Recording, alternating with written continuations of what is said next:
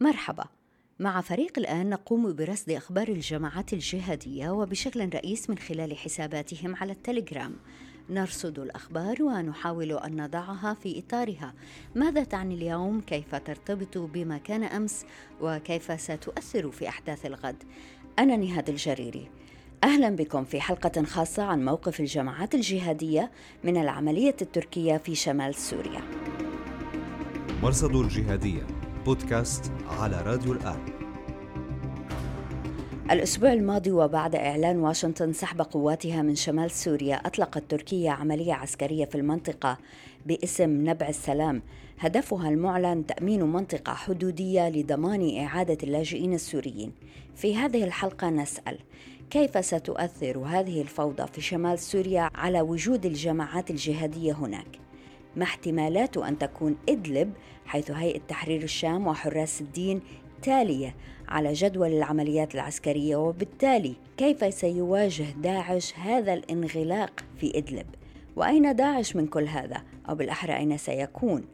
سنتحدث اليوم إلى محمود بالي الصحفي الكردي في عين العرب كوباني. تركيا منذ بداية الأزمة السورية كانت دائما تحاول اللعب على النفس الطائفي والقومي والإثني. حسام ميرو مدير مركز الدراسات والأبحاث في أسبار دوسلدورف. داعش فعليا منذ عدة أشهر. آه، تبنت عملية تحول من آه، آه، ما يسمى دولة الخلافة إلى ما يسمى الولاية الأمنية.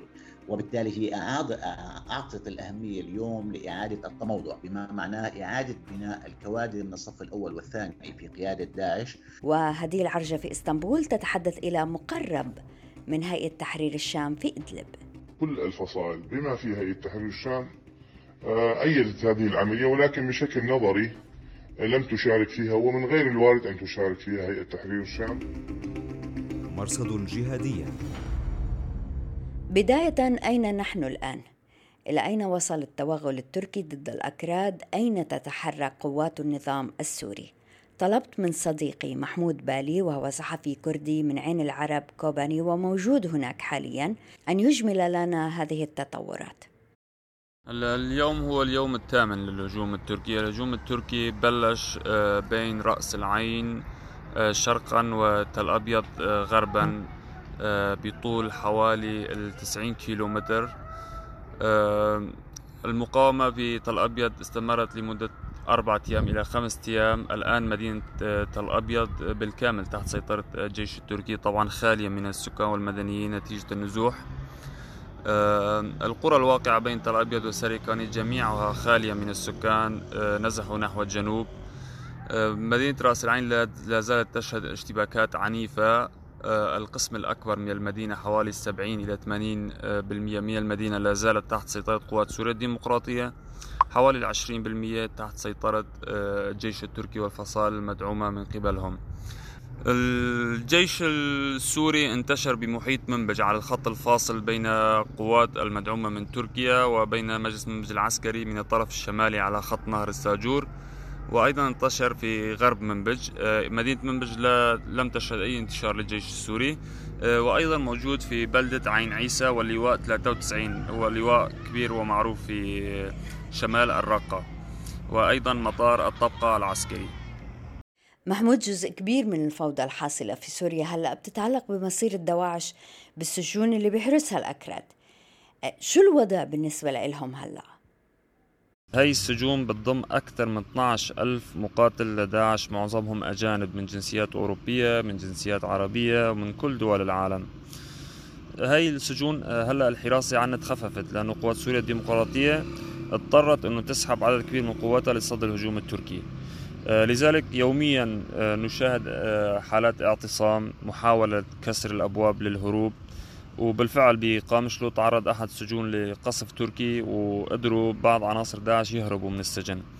وأيضا موضوع المخيمات يعني هناك فقط مخيم الهول في سبعين ألف من عوائل داعش وأكثر من نص هذول من جنسيات أجنبية. حتى قبل هذه الأوضاع بهذا المخيم كان يوصف بدويلة الهولي داعش في صلب الفوضى الدائرة شمال سوريا. وهون برجع بالذاكرة لعام 2015 لما حاول داعش اقتحام عين العرب كوباني اللي بتعتبر معبر مهم على الحدود مع تركيا. في تلك الفترة تعاونت فصائل عربية مع الأكراد وبدعم دولي وخاصة أمريكي تمكنوا من طرد داعش. معركة كوباني أطلقت ما صار يعرف بغرفة عمليات بركان الفرات اللي فيها مكون عربي وكردي. وبعد أشهر قليلة تمكن هذا الجسم الموحد من تحرير تل أبيض جيريسبي المعبر الحدودي المهم آه، أيضا على الحدود مع تركيا. وأصبحت هذه القوات على مدخل عين عيسى البوابة إلى الرقة سدت خلافة البغدادي.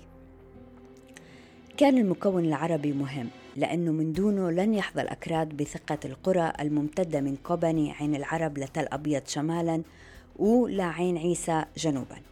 ومن دون المكون الكردي المدرب والمنظم عسكريا ما كان ممكنا مواجهة بطش داعش الذين تفننوا في القتل والإرهاب.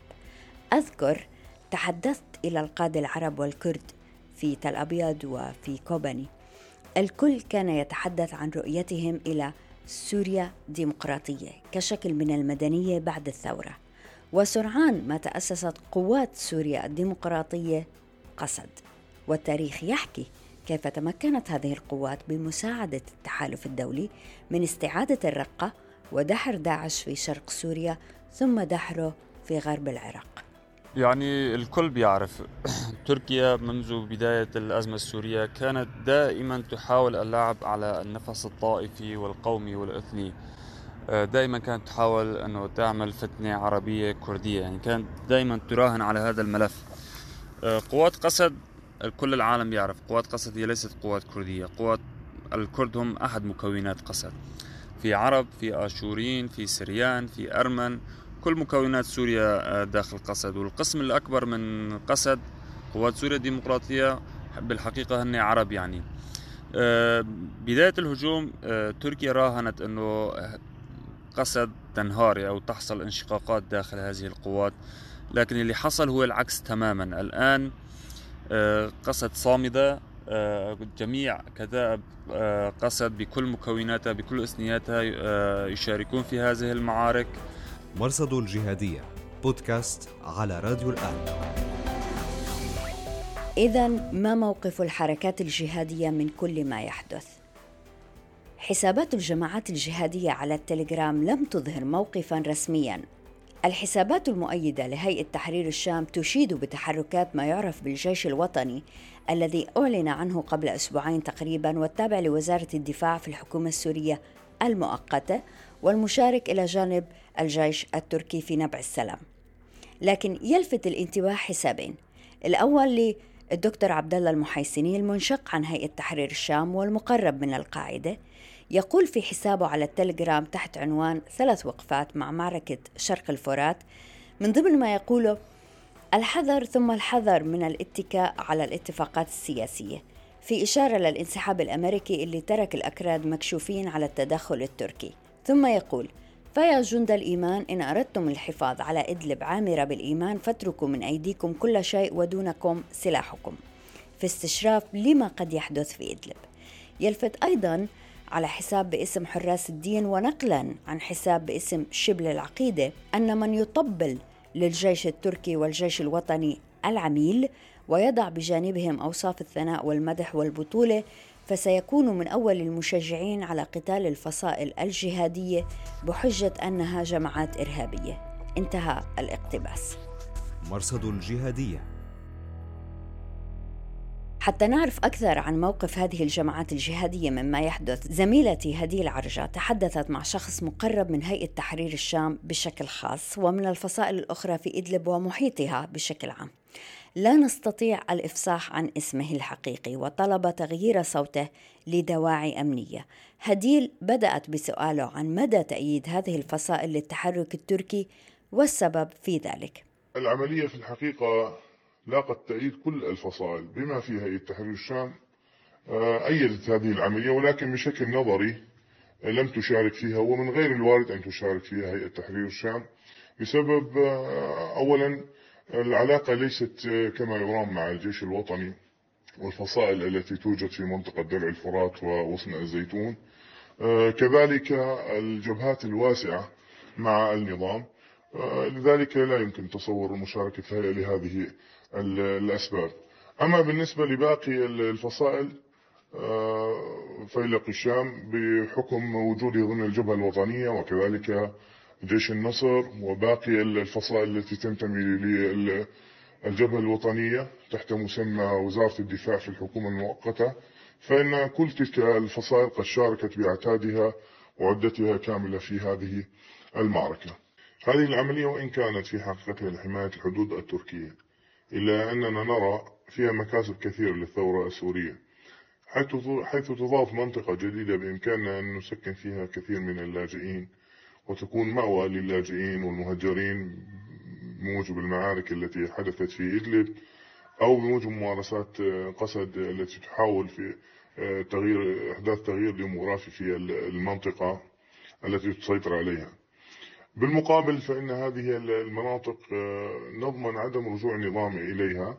فنحن نرى حقيقة أن قسد تنسق مع النظام وهي وجه آخر للنظام فلا فرق بين النظام وقسد آه، من وجهة نظرنا. كذلك فإن هذه الأرض التي قد تحرر في عملية نبع السلام إن تمت آه، كما هو مخطط لها. فإن هذه الأراضي ستكون بوابة للمنطقة الشرقية المحافظات الثلاث الحسكة والرقة ودير الزور حيث تمتلك هذه المحافظات معظم ثروات آه، سوريا وكذلك الخزان البشري الهائل وخاصة العشائر الموجودة في تلك المنطقة لكن هل كل الفصائل الجهادية في إدلب عندها ذات الموقف من العملية التركية؟ في الحقيقة لا يؤيد تنظيم حراس الدين هذه العملية هو حراس الدين له موقف شرعي من التعامل مع الأتراك فهو يرفض التعامل مع الأتراك أو مع الجيش الوطني أو, أو, أو أي عملية تخص الجيش التركي هل ثم التخوف من أن تكون إدلب هي التالية على جدول العمليات العسكرية؟ الحقيقة الكل يعلم أن هناك تفاهمات بين روسيا وإيران وتركيا تفاهمات وتقاسم مصالح إلا أن الفصائل على الأرض وفي منطقة إدلب وخاصة هيئة تحرير الشام تقوم بأعمال التدشين والتحصين وتأمين الذخيرة وإعداد المقاتلين وتدريبهم. وكذلك عناصر الجبهة الوطنية كذلك يقوم بهذا الدور. والأحزاب الأخرى الحزب الإسلامي التركستاني والفصائل الأخرى التي تنتشر في الساحل مثل الفرقة الساحلية. كل هذا بصراحة آه، يتم فيه الاستعداد لأي عملية متوقعة أو طارئة من النظام. ولا أمان لروسيا والنظام. ممكن يعني هذه الهدن آه، أثبتت التجارب السابقة أنه لا يوجد هدنة دائمة وأن الروس هم آه، عندما يعلنون هدنة فإنهم يؤمنون نفسا للنظام حتى يستعد من جديد ويهاجم آه، من جديد. مرصد الجهادية بودكاست على راديو الآن. ولاستشراف السيناريوهات ما قد يحدث في إدلب تحديدا تحدثت مع حسام ميرو مدير قسم الدراسات والأبحاث في مركز أسبار دوسلدورف ألمانيا. بداية سألته إن كانت لديه معطيات عن موقف داعش من العملية التركية في شمال شرق سوريا. أنا بدي أعطي معطى واحد بعتقد هو معطى أساسي يعني وهام في هذه المسألة. هو إنه داعش فعليا منذ عدة أشهر تبنت عملية تحول من ما يسمى دولة الخلافة إلى ما يسمى الولاية الأمنية. وبالتالي هي أعطت الأهمية اليوم لإعادة التموضع بما معناه إعادة بناء الكوادر من الصف الأول والثاني في قيادة داعش. وبالتالي اليوم هي ليست معنية كثيرا بعمليات كبيرة وليست معنية بالدخول فعليا على خط آه، إعلان مواقف كبير لكنها فعليا هي تعيد آه، بناء نفسها. بعد أن انتهت العمليات في الباغوز وفي تصريحات واضحة طبعا كانت للبغدادي بهذا الشأن بأنه نحن أنه الأهمية اليوم هي لاعاده بناء يعني آه، الولاية الأمنية لداعش.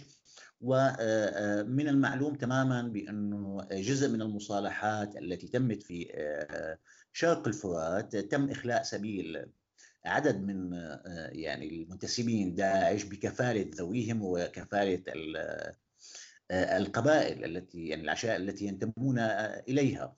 لكن في نهاية المطاف الأوضاع السيئة وعدم وجود حل سياسي ونحن بنعرف كمان الصراع على الموارد في المنطقة آه، الشرقية. هذا يجعل فعليا آه، آه، في العناصر الأساسية لإعادة إنتاج وإنعاش داعش لكن فعليا بشكل جديد لن نشهد فعليا عودة إلى ما يسمى دولة الخلافة لكن نحن بنعرف قياسا إلى التجربة العراقية على الأقل بأنه تنظيم الدولة الإسلامية خبر إلى عام 2006 ثم يعني في عام 2006 قام بعمليات شديدة وقاسية في العراق ثم عاد وخبى ب 2008 ثم عاد وصح ب 2011 يعني لم ينتهي هذا الملف.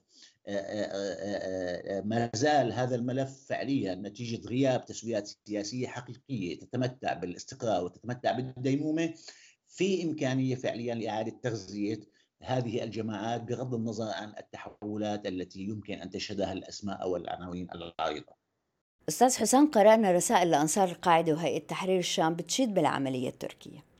هل ترى في ذلك نوع من السخرية بالنظر إلى احتمال أنه تكون إدلب التالية على جدول العمليات العسكرية سواء من تركيا أو من النظام السوري؟ هلأ بطبيعة الحال لا يمكن اعتبار يعني الأخذ بعين الاعتبار ما يشاع على وسائل التواصل الاجتماعي باعتبارها حقائق، نحن عم نعرف إنه الكم الضخ والبروباغندا التي تقوم بها الدول فعليا ونحن بنعرف فعليا في يعني في الحالة السورية لم تعد المسألة آه، تماما هي مسألة وطنية. هناك ولاءات ما دون وطنية وهناك ولاءات ما فوق وطنية. ونقصد بالولاءات ما فوق وطنية وجود جهات داخلية في سوريا تقاتل لكن ولاء فعليا إلى جهات خارجية. المعروف بأنه آه، القسم الأهم من الفصائل الموجودة في إدلب هي فصائل آه، مدعومة بحكم الواقع والجغرافيا. والعلاقات مدعومة من تركيا وبالتالي ستقوم بتأييد هذه العملية. طبعا هذا يجب أن نفصله طبعا عن ملف المدنيين الموجودين في إدلب الذين لا حول لهم ولا قوة في نهاية المطاف. لكن نحن وجدنا عبر السنوات الماضية كيف تبدلت تحالفات الفصائل الموجودة في إدلب في لحظة معينة كانوا مع بعض في لحظة معينة تقاتلوا مع بعض في لحظة معينة اختالوا بعض يعني نلحظ دائما عملية تبدلات حسب طبيعة الحال حسب يعني العلاقة مع تركيا من جهة وحسب تغيرات خارطة النفوذ والهيمنة ضمن حالة إدلب. وبالتالي هذا التشجيع فعليا جزء منه بأنه تشجيع ل يعني لتركيا من جهة. المسألة الثانية اللي عم تلعب دورها فعليا في أنه في أمل عند بعض الفصائل بأن يتم يعني أن تتغير إلى حد ما الخارطة أن يبقى لها نفوذ أن تعيد تشكيل نفسها لاحقا. المسألة باعتقادي لم تحسم بعد في موضوع إدلب. سنشهد يعني في نهاية المطاف تسويات كبرى ستكون على حساب بعض الفصائل والتي ستؤدي بالفعل إلى عملية يعني تقليص حجمها بل ربما القضاء عليها بشكل نهائي. مثل مين؟ يعني بعتقد آه، آه، الأوضح هو إنه هيئه تحرير الشام في النهاية آه، لن تكون مقبولة في أي عملية تسوية سياسية لاحقة تحت هذا المسمى. وبالتالي يجب فعليا خلط الأوراق، نحن شفنا تشكيل الجيش الوطني السوري أو ما سمي الجيش الوطني السوري واللي فعليا هو تشكل من فصائل كثيرة وجزء كبير من المقاتلين. فعليا نحن بنعرف إنه قاتلوا بفصائل راديكالية أو فصائل يعني إرهابية أو إلى آخره. واليوم آه، أعيد تدويرهم آه، ضمن ما يسمى الجيش الوطني السوري. وبالتالي سنجد بأنه يعني لا روسيا لن روسيا لن تقبل فعليا بهيئه تحرير الشام. ونحن بنعرف فعليا أنه أساسا الهيئة مصنفة يعني تحت لوائح الأرهاب الأممية بقرار من يعني الأمم المتحدة. وبالتالي حتى تركيا يعني لا تقول آه، بشكل مباشر إنها تدعم هذا الفصيل بل تقول إنها مع الوصول إلى تسوية. وبالتالي يعني الفصيل الذي سيتعرض فعليا لاحقا في المستقبل إلى نوع من الحصار وتقليص النفوذ وإلى آخره هو فعليا آه، آه، هيئة تحرير الشام. كنا نبحث في نظرية إنه داعش قد يحاول إعادة التموضع بشكل أو بآخر. في إدلب. وبنحب إنه نستكمل هذا الملف. لأي درجة لم تعد إدلب على خارطة داعش برأيك؟ خلينا بس نوقف عند مسألة مهمة. إدلب فعليا منذ سنوات هي تحت سيطرة جبهة النصرة التي أخذت لاحقا اسم هيئة تحرير الشام. ونحن بنعرف بأنه في تباين وفي يعني تناقضات كثيرة ما بين هذا القسم القاعدي اللي هو هيئة تحرير الشام وما بين داعش. أضف إلى ذلك بانه المساحات الواسعة التي يمكن أن يتحرك من خلالها داعش هي فعليا في منطقة البادية السورية وباتجاه تدمر فعليا. هذه المساحة يعني اللي ممكن يكون في عملية تمدد فيها لداعش من الصعب اليوم نحن نقول بأنه داعش سوف تذهب حكما إلى ادلب لأنه في تباينات كثيرة وفي صراعات كثيرة إضافة إلى عملية يعني بدء توافقات روسية تركية حول ملف ادلب وبالتالي ما من المتوقع إنه يكون في انتعاش كبير لداعش على الأقل في ادلب بل يمكن أن نجد انتعاش له في مناطق أخرى. يعني نحن بنعرف في مناطق لها علاقة برقة بدير الزور في تمدد باتجاه آه، الحدود العراقية السوريه باتجاه تدمر آه، وصولا إلى تخوم مدينة السلمية. أستاذ حسام ماذا تقرأ في مستقبل حراس الدين في إدلب؟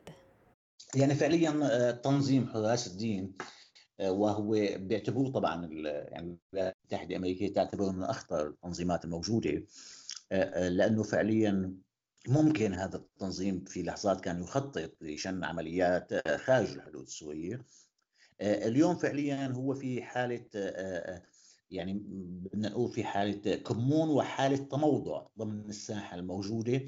لكن فعليا هو من الفصائل التي يعني تمتلك نوع من التماسك على مستوى القيادة وعلى مستوى التصرف وعلى مستوى إدارة وضعها ضمن الحواضن الموجودة فيها آه، قد يكون هو أحد الأوراق المستقبلية في الساحة آه، آه، الجهادية في سوريا.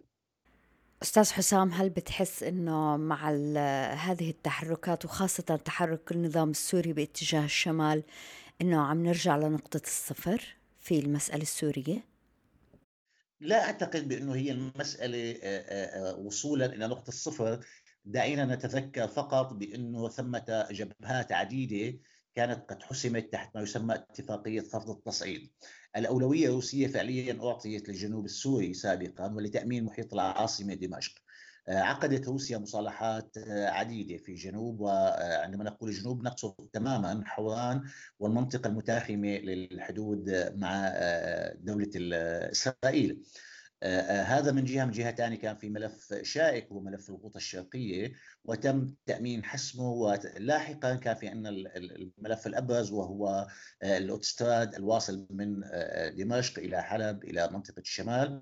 ونحن بنعرف بأنه حتى الاتفاقية الروسيه التركيه حول هذا الاوتوستراد هي لإبقاء فعليا الفصائل بعيدة بمسافة 20 كيلومتر عن هذا الاوتوستراد. اذا المسألة ليست هي عودة إلى المربع الأول بقدر ما أنه الحل في سوريا يتقدم بالتقسيط. يعني ليس هناك package كامل، ليس هناك حل كامل، هناك حسم بالتقسيط فعليا في الجنوب موجودة إيران في الشمال موجودة تركيا اذا التفاهمات ليست واحدة هناك تفاهم روسي إيراني في الجنوب هناك تفاهم روسي إسرائيلي أيضا في الجنوب على إبعاد القوات أو كل ما يمس آه، له علاقة فعليا بإيران إبعاده عن الحدود بمسافة 40 كيلومتر. آه، هناك اليوم في حدود لرسم الحالة النهائية للعبة كيف يمكن أن تستقر فعليا؟